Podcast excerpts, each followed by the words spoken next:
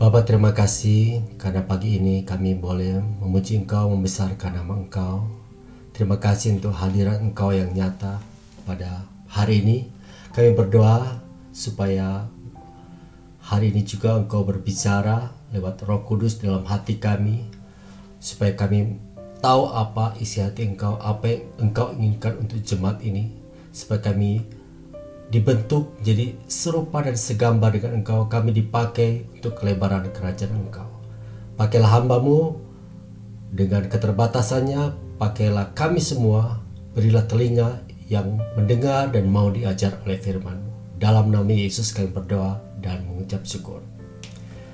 Bapak Ibu saudara-saudara sekalian pada pagi hari ini saya ingin membagikan satu firman Tuhan yang berjudul Yesus menyembuhkan hari ini. Yesus menyembuhkan jam ini, detik ini. Itu adalah janji firman Tuhan karena dia katakan Yesus Kristus tetap sama dahulu, sekarang, dan sampai selama-lamanya. Artinya kalau dia dahulu menyembuhkan, hari ini juga dia dapat dan mau menyembuhkan orang-orang. Kenapa saya memiliki, memiliki memilih tema ini atau judul ini karena dalam beberapa minggu terakhir ini saya merenungkan dan terbeban untuk membagikan sesuatu yang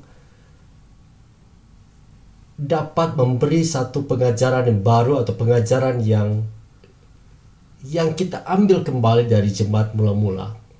Bagaimana kuasa Tuhan mampu menyembuhkan orang-orang yang sakit. Kita tahu bahwa kita dalam situasi di mana uh, orang-orang dari seluruh dunia, suku, kaum dan bahasa, bangsa di mana-mana sedang dalam pergumulan dengan COVID-19.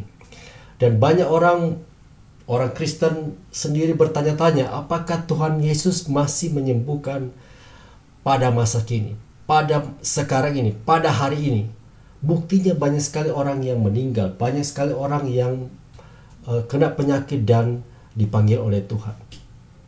Sehingga saya punya harapan biarlah jemaat Tuhan hari ini dapat terinspirasi dari orang-orang yang dipakai Tuhan pada uh, khususnya pada jemaat mula-mula, jemaat yang sangat dekat dengan Tuhan waktu Tuhan Yesus hidup dan mereka masih ada sebagian waktu Yesus hidup. Dan itu ada di dalam kisah para rasul uh, pasal yang pertama uh, terutama kisah para rasul pasal kedua, tiga, empat sampai enam. Tapi kita akan ambil kisah para rasul pasal yang ketiga. Ini cerita tentang Petrus dan Yohanes.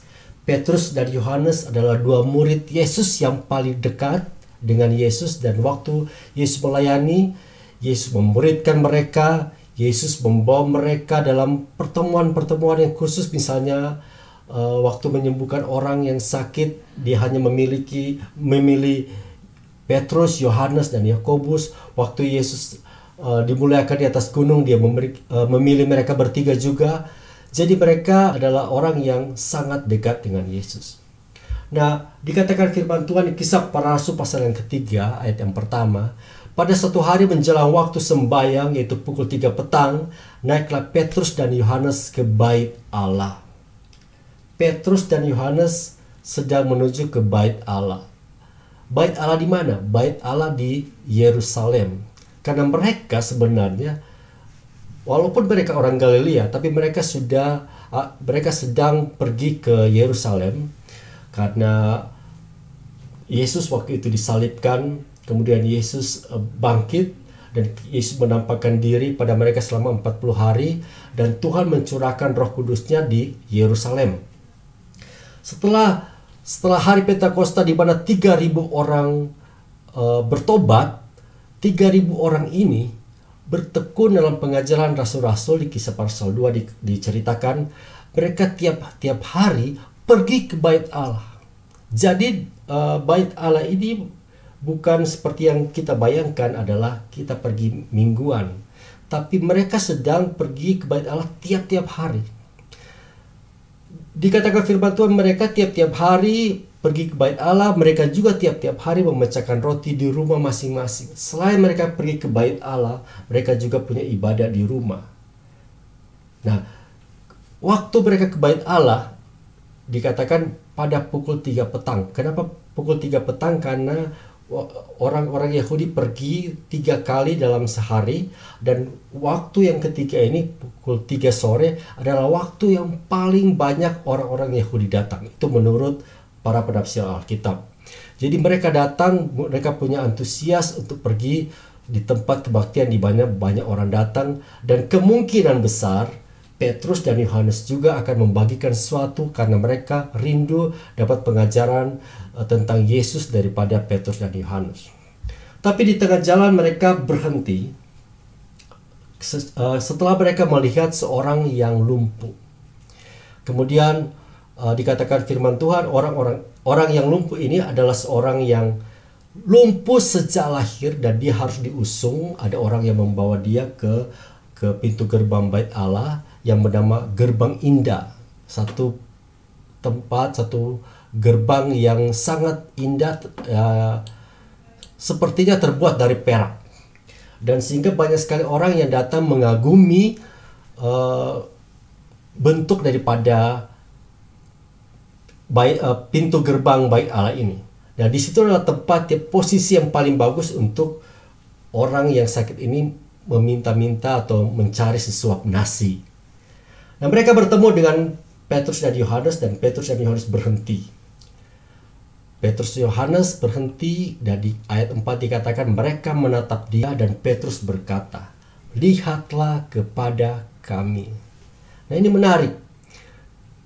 Petrus berhenti dan mengatakan, "Lihatlah kepada kami." Kebanyakan kita mengatakan, "Jangan lihat pada kami, lihatlah kepada Tuhan." Tapi Petrus mengatakan, lihatlah pada kami, berharaplah pada kami, nantikanlah sesuatu pada kami. Kami ingin memberi sesuatu.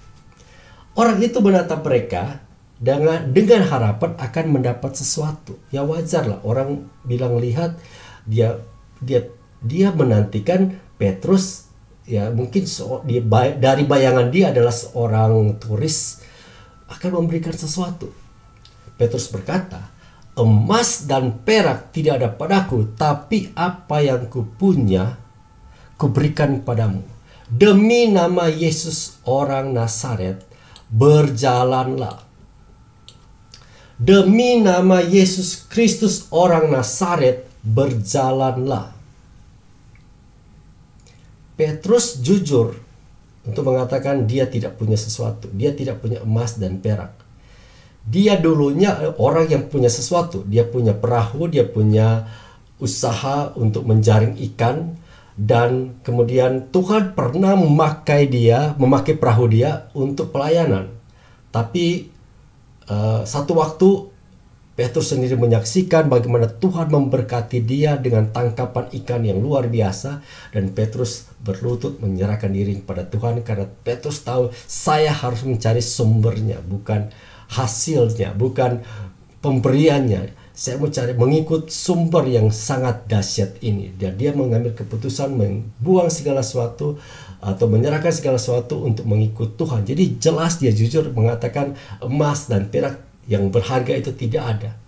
Tapi sebaliknya dia mengatakan sesuatu yang lebih besar daripada emas dan perak, sesuatu yang lebih berharga dan yang benar-benar kamu sebagai orang yang sakit, yang lumpuh butuhkan, aku akan beri. Demi nama Yesus Kristus orang Nazaret berjalanlah. Kalau Petrus tidak yakin dengan apa yang dia punyai, dia tidak dia tidak mengatakan demikian. Dia yakin dia punya sesuatu. Nah, coba saudara bayangkan, apakah Petrus pernah menyembuhkan orang sebelumnya sehingga dengan yakin dia dia uh, mau menyembuhkan orang itu? Ya, kemungkinan besar dia pernah menyembuhkan orang sakit. Ya, kalau kita lihat dalam kisah Rasul pasal yang kedua bagian terakhir, jemaat mula-mula itu di dikaruniai tanda mujizat-mujizat ya termasuk mujizat kesembuhan. Jadi banyak sekali orang yang dilayani sebelumnya dengan kesembuhan. Tapi kemungkinan besar belum ada yang dahsyat sama seperti ini di mana orang yang lumpuh 40 tahun dilayani dan orang itu bisa berjalan. Nah, Petrus mengambil kesempatan ini untuk melatih imannya, untuk melatih apa yang Tuhan sudah berikan. Coba kita membayangkan atau kita mengira-ngira sebenarnya apa yang ada, ada apa yang ada dalam pikiran daripada Petrus. Apa yang Petrus alami selama dua bulan terakhir lah Petrus merenungkan semua kejadiannya ya kalau kalau dia pernah mengalami dua bulan bersama-sama dengan Yesus terakhir bagaimana Yesus menampakkan diri selama 40 hari bagaimana Yesus mati, disalibkan, bangkit.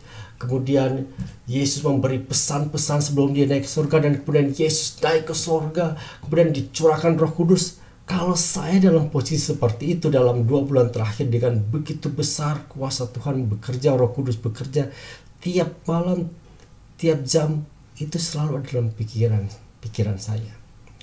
Dan ini sebenarnya yang Petrus sedang alami. Petrus merenungkan saya ini ah, sudah menyerahkan hidup saya kepada Tuhan. Tuhan sudah pergi tapi saya percayakan janji Tuhan. Tuhan mengatakan lebih baik aku pergi kalau tidak uh, supaya aku akan berikan Roh Kudus dan kalau Roh Kudus itu dicurahkan aku akan men uh, menerima kuasa. Kisah 1 ayat 8 mengatakan kalau Roh Kudus turun atas kamu kamu akan menerima kuasa dan kamu akan menjadi saksiku.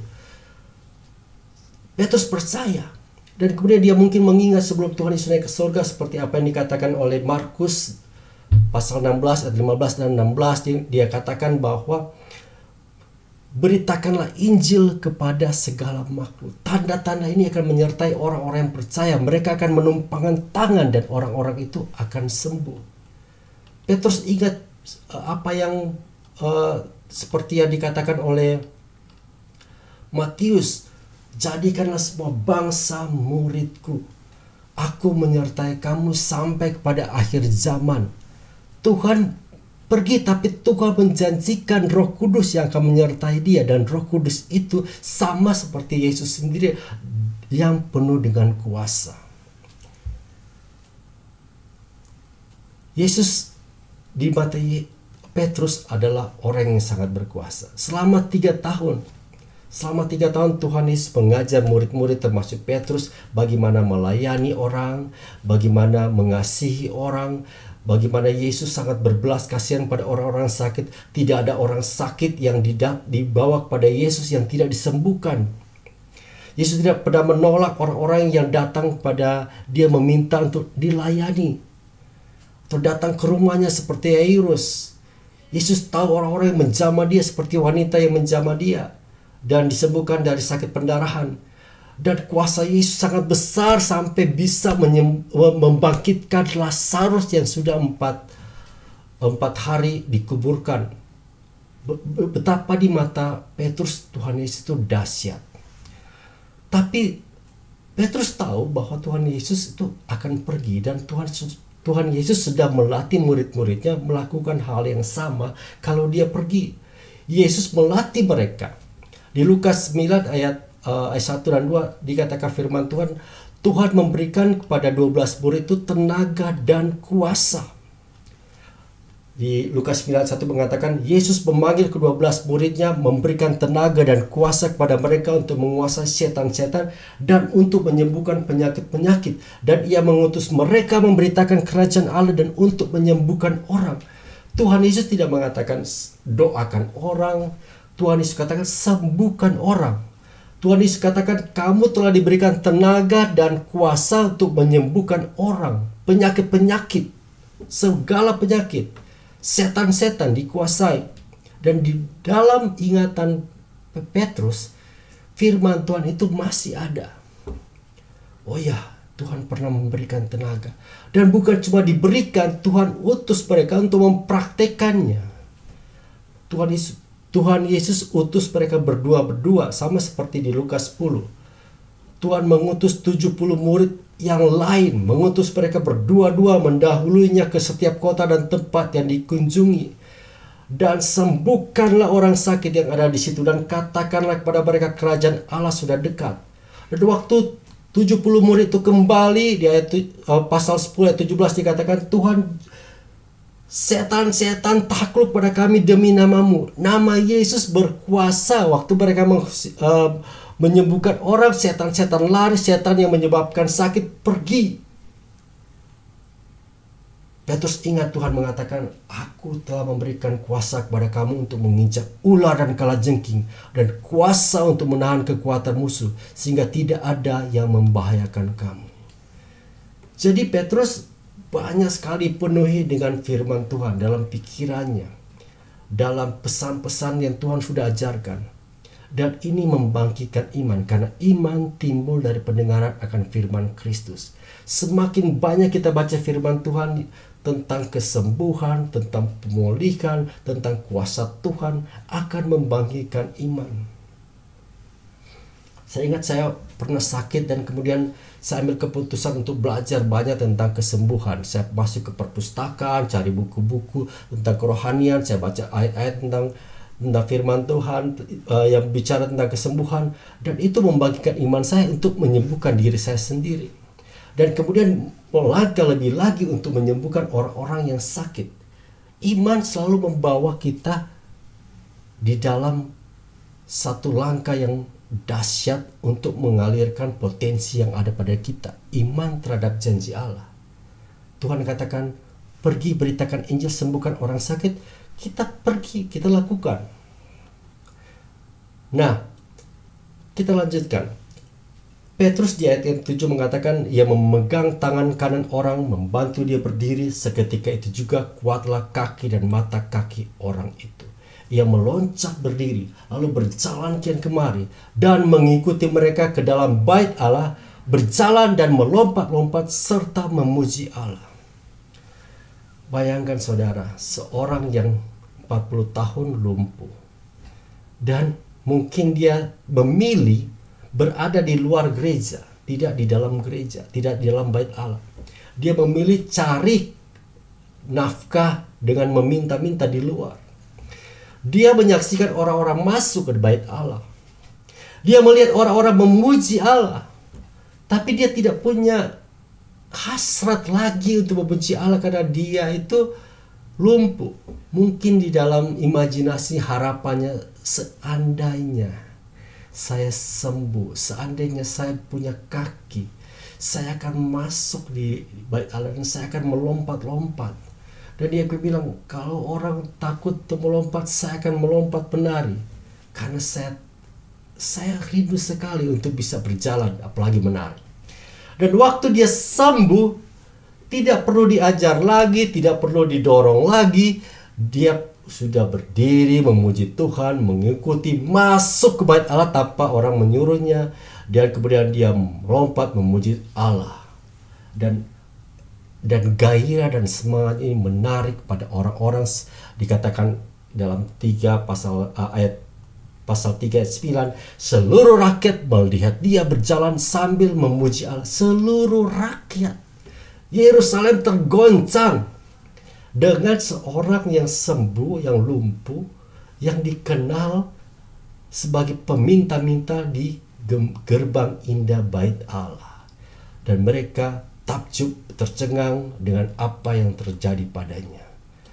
Dan akibatnya terjadi kebangunan rohani susulan saudara. Selalu uh, mujizat kesembuhan ini kalau ditaruh pada tempatnya itu akan menuju kepada kegemparan di mana seluruh orang akan datang mencari Tuhan. Di 11 dikatakan karena orang itu tetap mengikuti Petrus dan Yohanes maka seluruh orang banyak yang sangat keheranan datang mengerumuni mereka di serambi yang disebut serambi Salomo. Kemudian Petrus mengatakan, Hai orang Israel, ya, mengapa kamu heran? tentang kejadian itu. Mengapa kamu menatap kami seolah-olah kami membuat orang ini berjalan karena kuasa atau kesalehan kami sendiri? Kemudian Petrus melanjutkan memakai kesempatan itu memberitakan Injil. Kemudian Petrus mengatakan, kuncinya ini ayat 16. Karena kepercayaan di dalam nama Yesus, maka nama itu telah menguatkan orang yang kamu lihat dan kamu kenal ini. Kepercayaan di dalam nama Yesus. Kepercayaan dari siapa? Orang lumpuh ini tidak punya kepercayaan. Petrus dan Yohanes percaya dalam nama Yesus. Dan akibatnya nama ini telah menguatkan orang yang mereka layani, yang kamu lihat dan kamu kenal ini si si orang yang tadinya lumpuh dapat berjalan. Dikatakan oleh Petrus, kepercayaan itu kepercayaan siapa? Kepercayaan Petrus dan Yohanes telah memberi kesembuhan pada orang ini di depan kamu semua. Saya saya mau garis bawahi ini bahwa banyak kegagalan kesembuhan karena orang yang menyembuhkan tidak punya kepercayaan dengan apa yang dia harapkan untuk orang yang dia layani. Dia hanya datang untuk berdoa, doa yang ya doa begitu saja. Semoga Tuhan sembuh. sembuh. Kalau Tuhan sembuh, ya syukur. Tuhan tidak sembuh, ya syukur. Terserah Tuhan lah. Bagaimana bisa terjadi kesembuhan? Bagaimana ada iman untuk menyembuhkan kalau doa yang lahir seperti ini? Jadi siapa pun kita sebagai orang percaya kalau kita melayani orang kita harus yakin dan percaya tanpa bimbang, tanpa ragu. Akibatnya terakhirnya semuanya akan terserah Tuhan. Tuhan yang akan melakukan semua. Tapi jangan kita membatasi sendiri. Kita sendiri yang dari awal sudah membiarkan itu tidak terjadi karena kita tidak punya harapan, tidak punya iman. Ya demikian juga saudara kalau saudara mau beriman untuk kesembuhan bagi diri saudara sendiri. Kalau saudara tidak yakin dan percaya dan saudara hanya sekedar basa-basi asal bunyi untuk mengatakan ya semoga saya sembuh kiranya Tuhan menyembuhkan saya, saya akan lakukan ini lakukan itu mencari pertolongan ini ya sekedarlah sama seperti kita uh, tiup lilin sebelumnya punya wis ya syukurlah kalau Tuhan jawab atau tidak. Ya. Tuhan ingin kita punya iman. Tuhan berkenan pada orang yang beriman. Petrus dengan semua yang dia pahami tentang Yesus, dia munculkan bayangannya, dia munculkan uh, roh, dia munculkan Roh Kudus yang bekerja di dalam pikirannya, di dalam hatinya, dan dia fokuskan dengan iman untuk melayani orang yang sakit ini. Dan saya percaya ini akan kita juga bisa lakukan ya. Mujizat karunia kesembuhan otoritas tenaga yang Tuhan berikan bukan terbatas kepada rasul-rasul. Dia berikan kepada setiap orang yang percaya. Percurahan roh kudus dikatakan kepada teruna-teruna kepada tua-tua kepada anak muda kepada siapa saja Bukan karena dia sudah banyak paham Alkitab, dia sudah lulusan teologi, dia punya jabatan pendeta, dia punya posisi apa pun, atau dia punya kekayaan yang menyebabkan dia dapat karunia, atau dia dipakai Tuhan. Tapi adalah iman, percaya, janji Tuhan ya dan amin.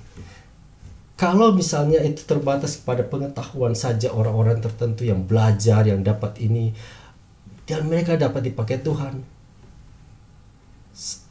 Sayang sekali, Roh Kudus tidak bekerja seperti itu. Itu saja yang saya mau katakan. Roh Kudus tidak bekerja seperti itu.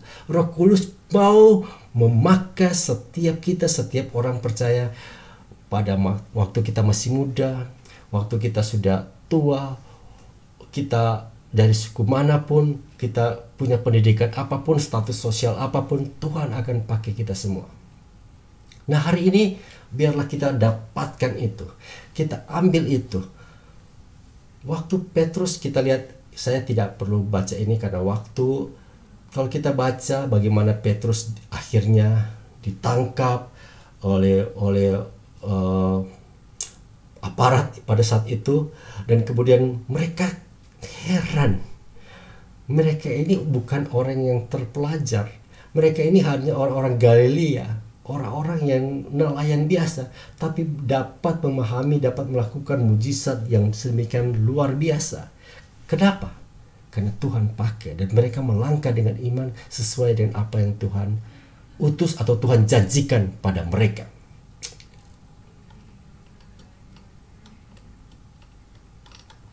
Nah kalau kita punya waktu juga kita boleh lihat di kisah para rasul selanjutnya uh, untuk menunjukkan bahwa Tuhan bisa pakai bukan cuma rasul-rasul. Kita bisa lihat contohnya adalah Filipus. Filipus itu bukan rasul-rasul, bukan salah satu dari dua belas rasul. Dia hanya seorang pelayan meja sama seperti Stefanus. Tapi di kisah rasul-rasul pasal yang ke-8 dia dipakai dalam penginjilan yang besar.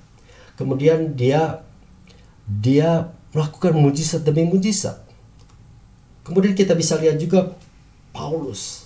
Paulus dipakai dengan luar biasa dalam kesembuhan-kesembuhan. Dan saya mau katakan ini. Sebenarnya pelayanan kesembuhan dengan penginjilan itu erat, sangat berhubungan. Seperti mata uang. Di sebelahnya penginjilan, di sebelahnya kesembuhan atau mujizat atau tanda-tanda ajaib. Kenapa?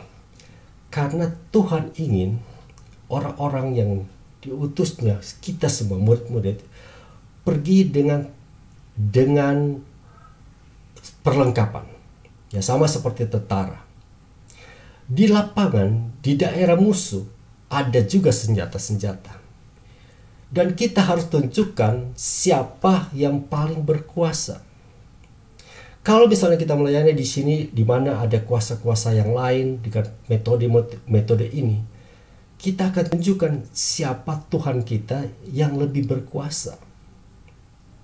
Di situlah kesempatan di mana mereka bisa bertobat.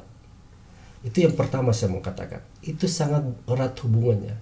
Jadi kalau saudara mau melihat bagaimana saudara uh, bergerak dalam pelayanan kesembuhan saudara dengan mudah seperti Petrus uh, mulai melangkah dengan iman mulailah kaitkan itu dengan penginjilan.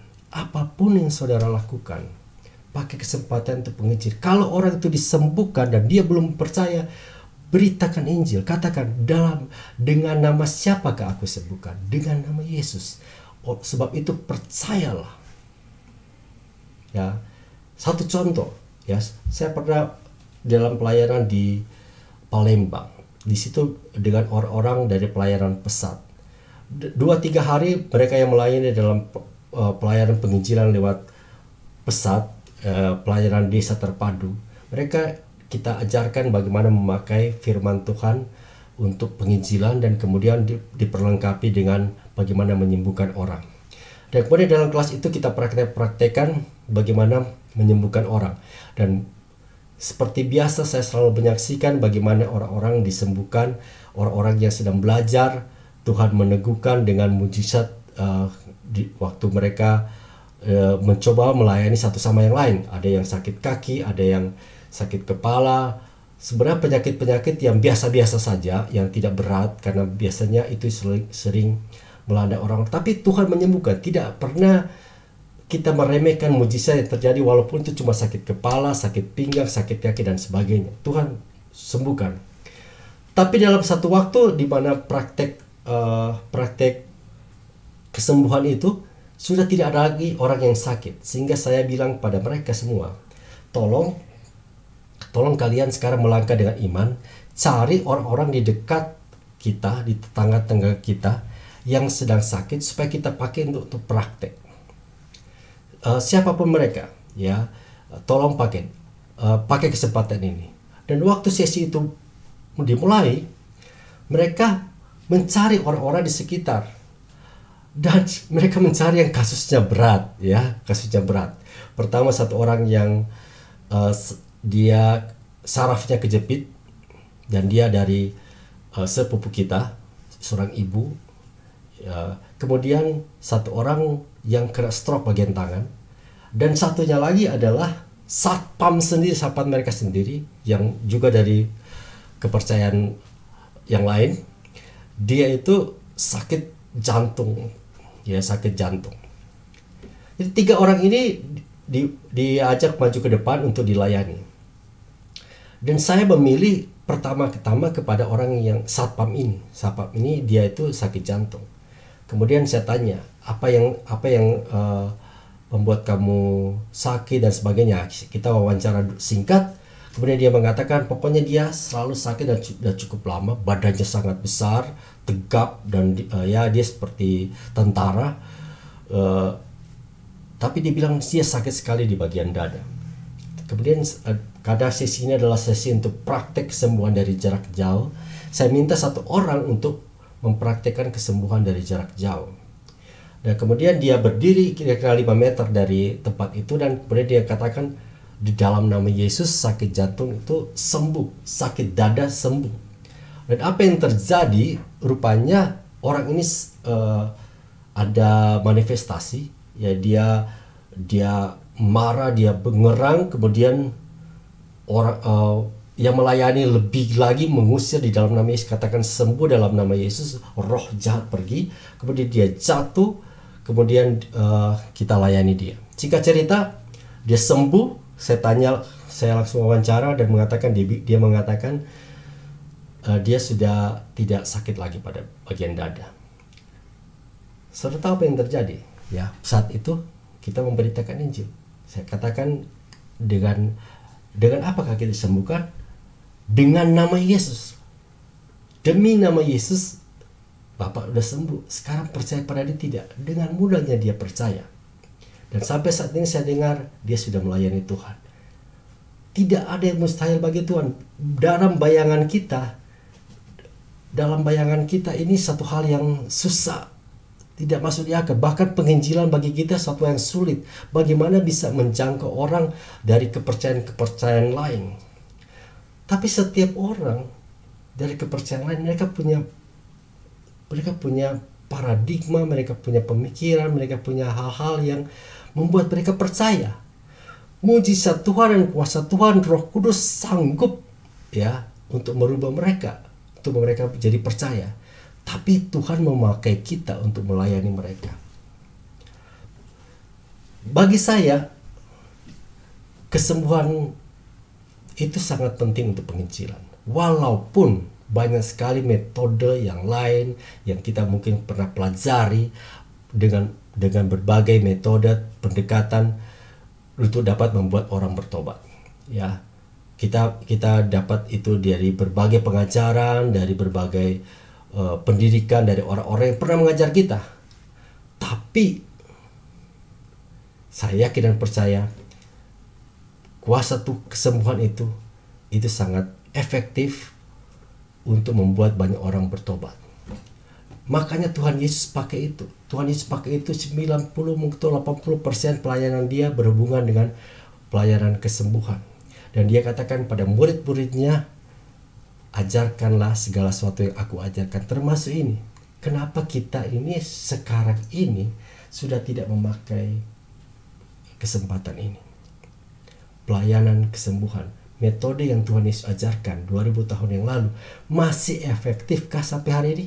Harusnya masih efektif.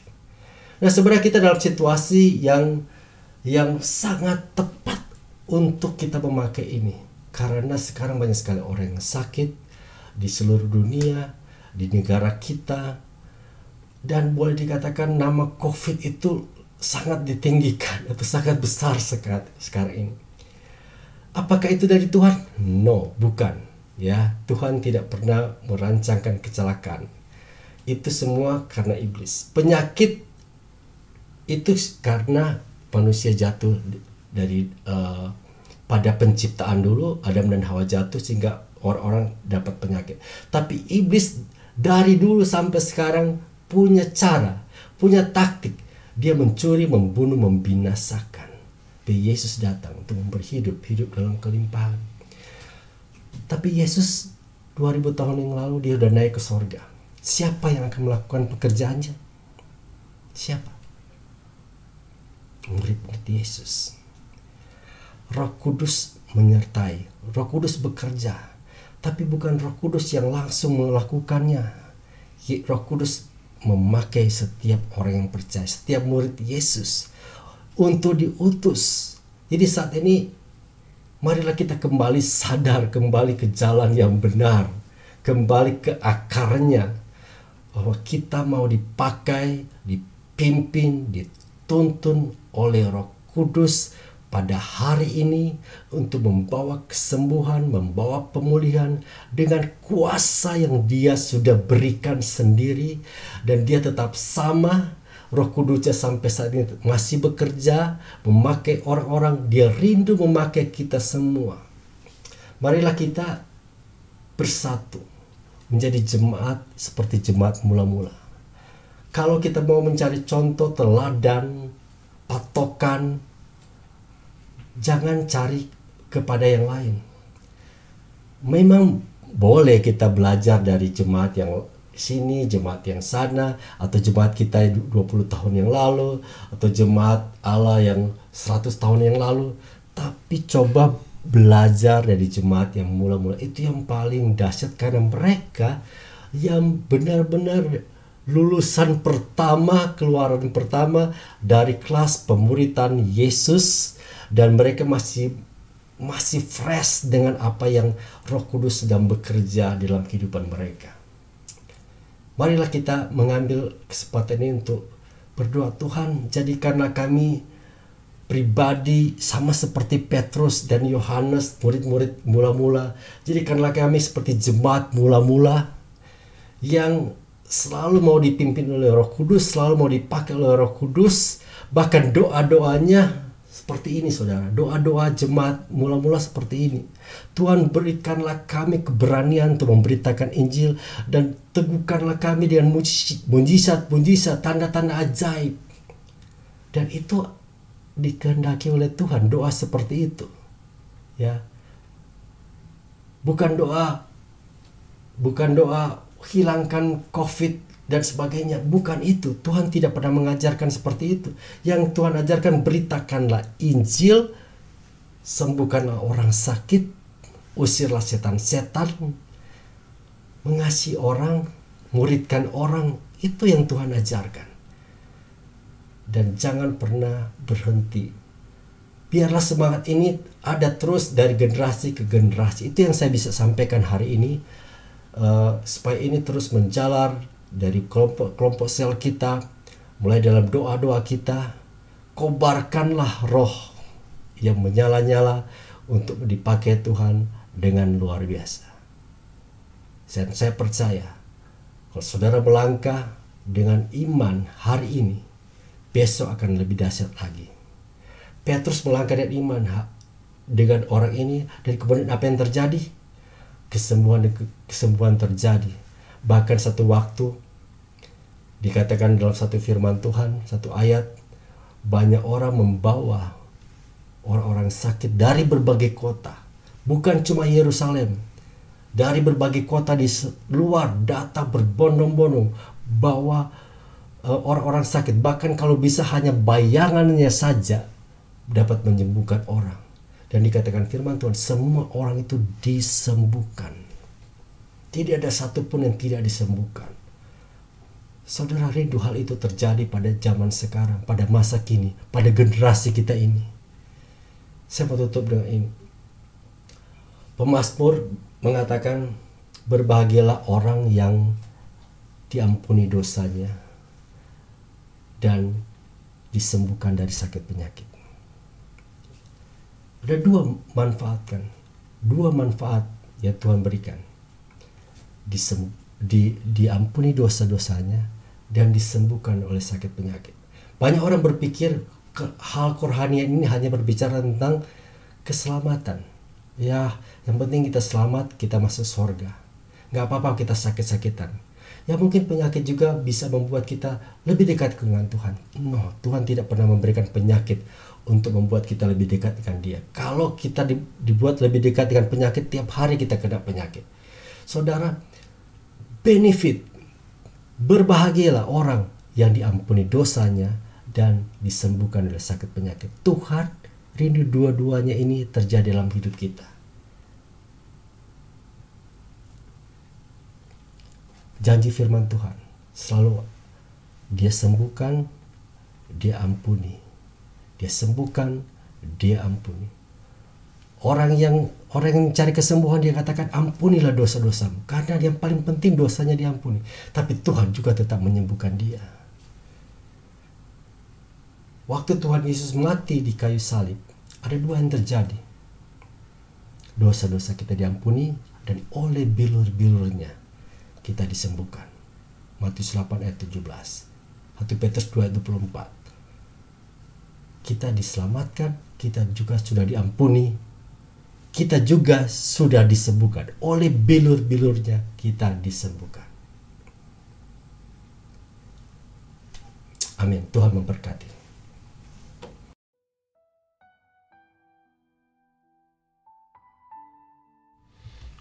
Baik, kita akan mengadakan perjamuan kudus saat ini. Eh, Bapak, Ibu, saudara semua yang ada di rumah boleh mempersiapkan apa yang bisa dipakai untuk perjamuan kudus. Kalau Bapak Ibu punya roti hosti dan anggur seperti yang kita biasa lakukan di, meja, eh, di gereja, boleh memilih itu. Kalau ada, kalau tidak Bapak Ibu bisa pakai uh, seperti roti biasa seperti saya pakai roti biasa kemudian anggur atau uh, biskuit atau air putih dan yang lain sirup dan yang lain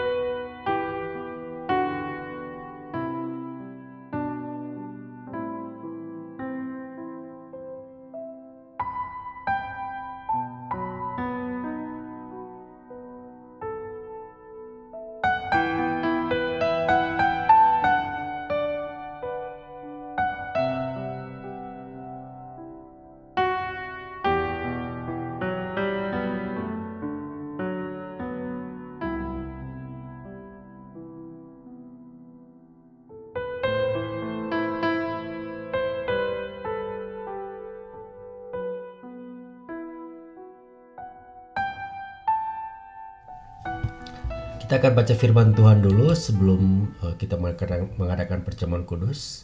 Di 1 Korintus 11 ayat 23 dikatakan sebab apa yang telah aku teruskan kepadamu telah aku terima dari Tuhan yaitu bahwa Tuhan Yesus pada waktu malam pada malam waktu ia diserahkan mengambil roti. Ya diambil roti, kemudian itu ia mengucap syukur, ia memecah-pecahkannya dan berkata, Inilah tubuhku yang diserahkan bagi kamu, perbuatlah ini menjadi peringatan akan aku. Sebelum kita mengambil memakan roti ini, saya ingin mengingatkan uh, makna daripada tubuh Yesus dipecah-pecahkannya berkaitan dengan kesembuhan tubuh kita. Uh, di kalau kita lihat sedikit ayat yang berhubungan dengan itu kalau kita lihat di dalam Matius pasal 8 ayat 16 dikatakan menjelang malam dibawalah kepada Yesus banyak orang yang kerasukan setan dan dengan sepatah kata Yesus mengusir roh-roh itu dan menyembuhkan orang yang menderita sakit. Hal itu terjadi supaya gedaplah firman yang disampaikan oleh Nabi Yesaya. Dialah yang memikul kelemahan kita dan menanggung penyakit kita. Jadi di kitab Yesaya ya kalau uh, kita perhatikan di Yesaya pasal yang ke-53 ayat 4 dan 5 itu jadi referensinya dikatakan sesungguhnya penyakit kita lah yang yang ditanggungnya, kesengsaraan kita yang dipikulnya, padahal kita mengira dia kena tulah, dipikul dan ditindas Allah tapi dia tertikam oleh karena pemberontakan kita, dia diremukan oleh karena kejahatan kita, ganjaran yang mendatangkan keselamatan bagi kita ditimpakan kepadanya, dan bilur-bilur dan oleh bilur-bilurnya kita menjadi sembuh. Ya sebagian orang tidak percaya bahwa uh, karya Yesus di kayu salib termasuk uh, kesembuhan ilahi. Yaitu pilihannya, tapi pilihan saya adalah mempercayai itu mempercayai itu bahwa Tuhan Yesus sudah menanggung segala sakit penyakit dan tubuhnya yang dipecah-pecah itu seperti waktu dia dicambuk dia ditikam sebenarnya kita yang harusnya menderita tapi dia sudah menanggungnya. Jadi waktu kita makan roti itu roti ini ingatlah ya ingatlah bahwa Yesus sudah menanggung itu dan ini adalah iman kita bahwa kita juga dapat disembuhkan oleh dia karena hal itu masih berlaku sampai hari ini. Kemudian Yesus juga mengambil cawan ya. Dan kemudian dia meminumnya. Cawan ini uh, cawan ini adalah simbol yang lebih lebih dahsyat lagi yaitu keselamatan kita kehidupan kekal kita karena segala dosa-dosaku dosa-dosa kita telah diampuni. Tanpa penumpangan darah penumpahan darah uh, tidak ada pengampunan itu yang terlaku berlaku dalam perjanjian lama juga ada dosa-dosa yang ditebus oleh uh, lewat simbol-simbol seperti korban binatang sapi, domba, lembu dan sebagainya. Tapi Yesus Kristus sudah mengorbankan dirinya sendiri, anak domba Allah untuk keselamatan kita. Kita yang sangat berdosa, lahir dari dosa, dan hidup dalam dosa.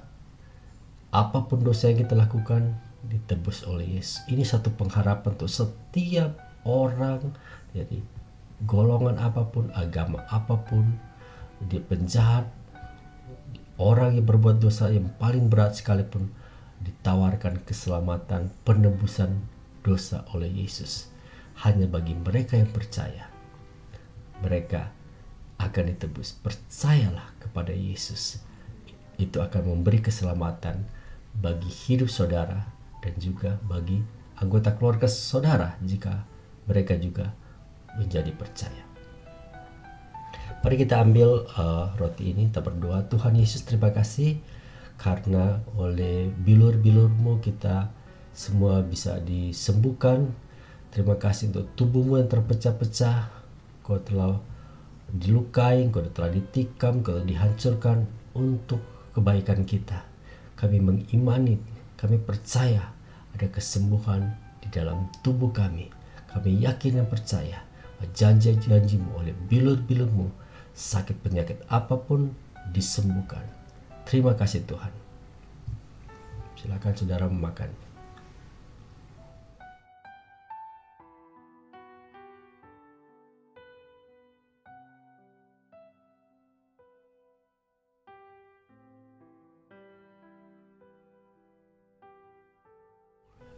Tuhan Yesus mengambil cawan.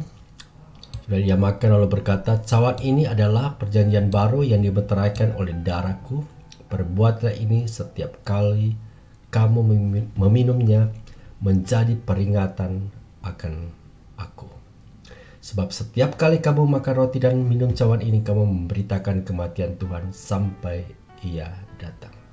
Tuhan Yesus terima kasih untuk pengorbananmu darah yang tercurah di mahkota duri di lambungmu sampai engkau mati dan itu ad adalah ke untuk kebaikan kita di mana dosa-dosa kita diampuni dan kita memperoleh hidup yang kekal. Kami yakin dan percaya sampai engkau datang sampai kami bertemu dengan engkau kami akan mendapat mahkota kemenangan oleh darahmu. Terima kasih Bapa. Dalam nama Yesus kami berdoa. Silakan saudara minum.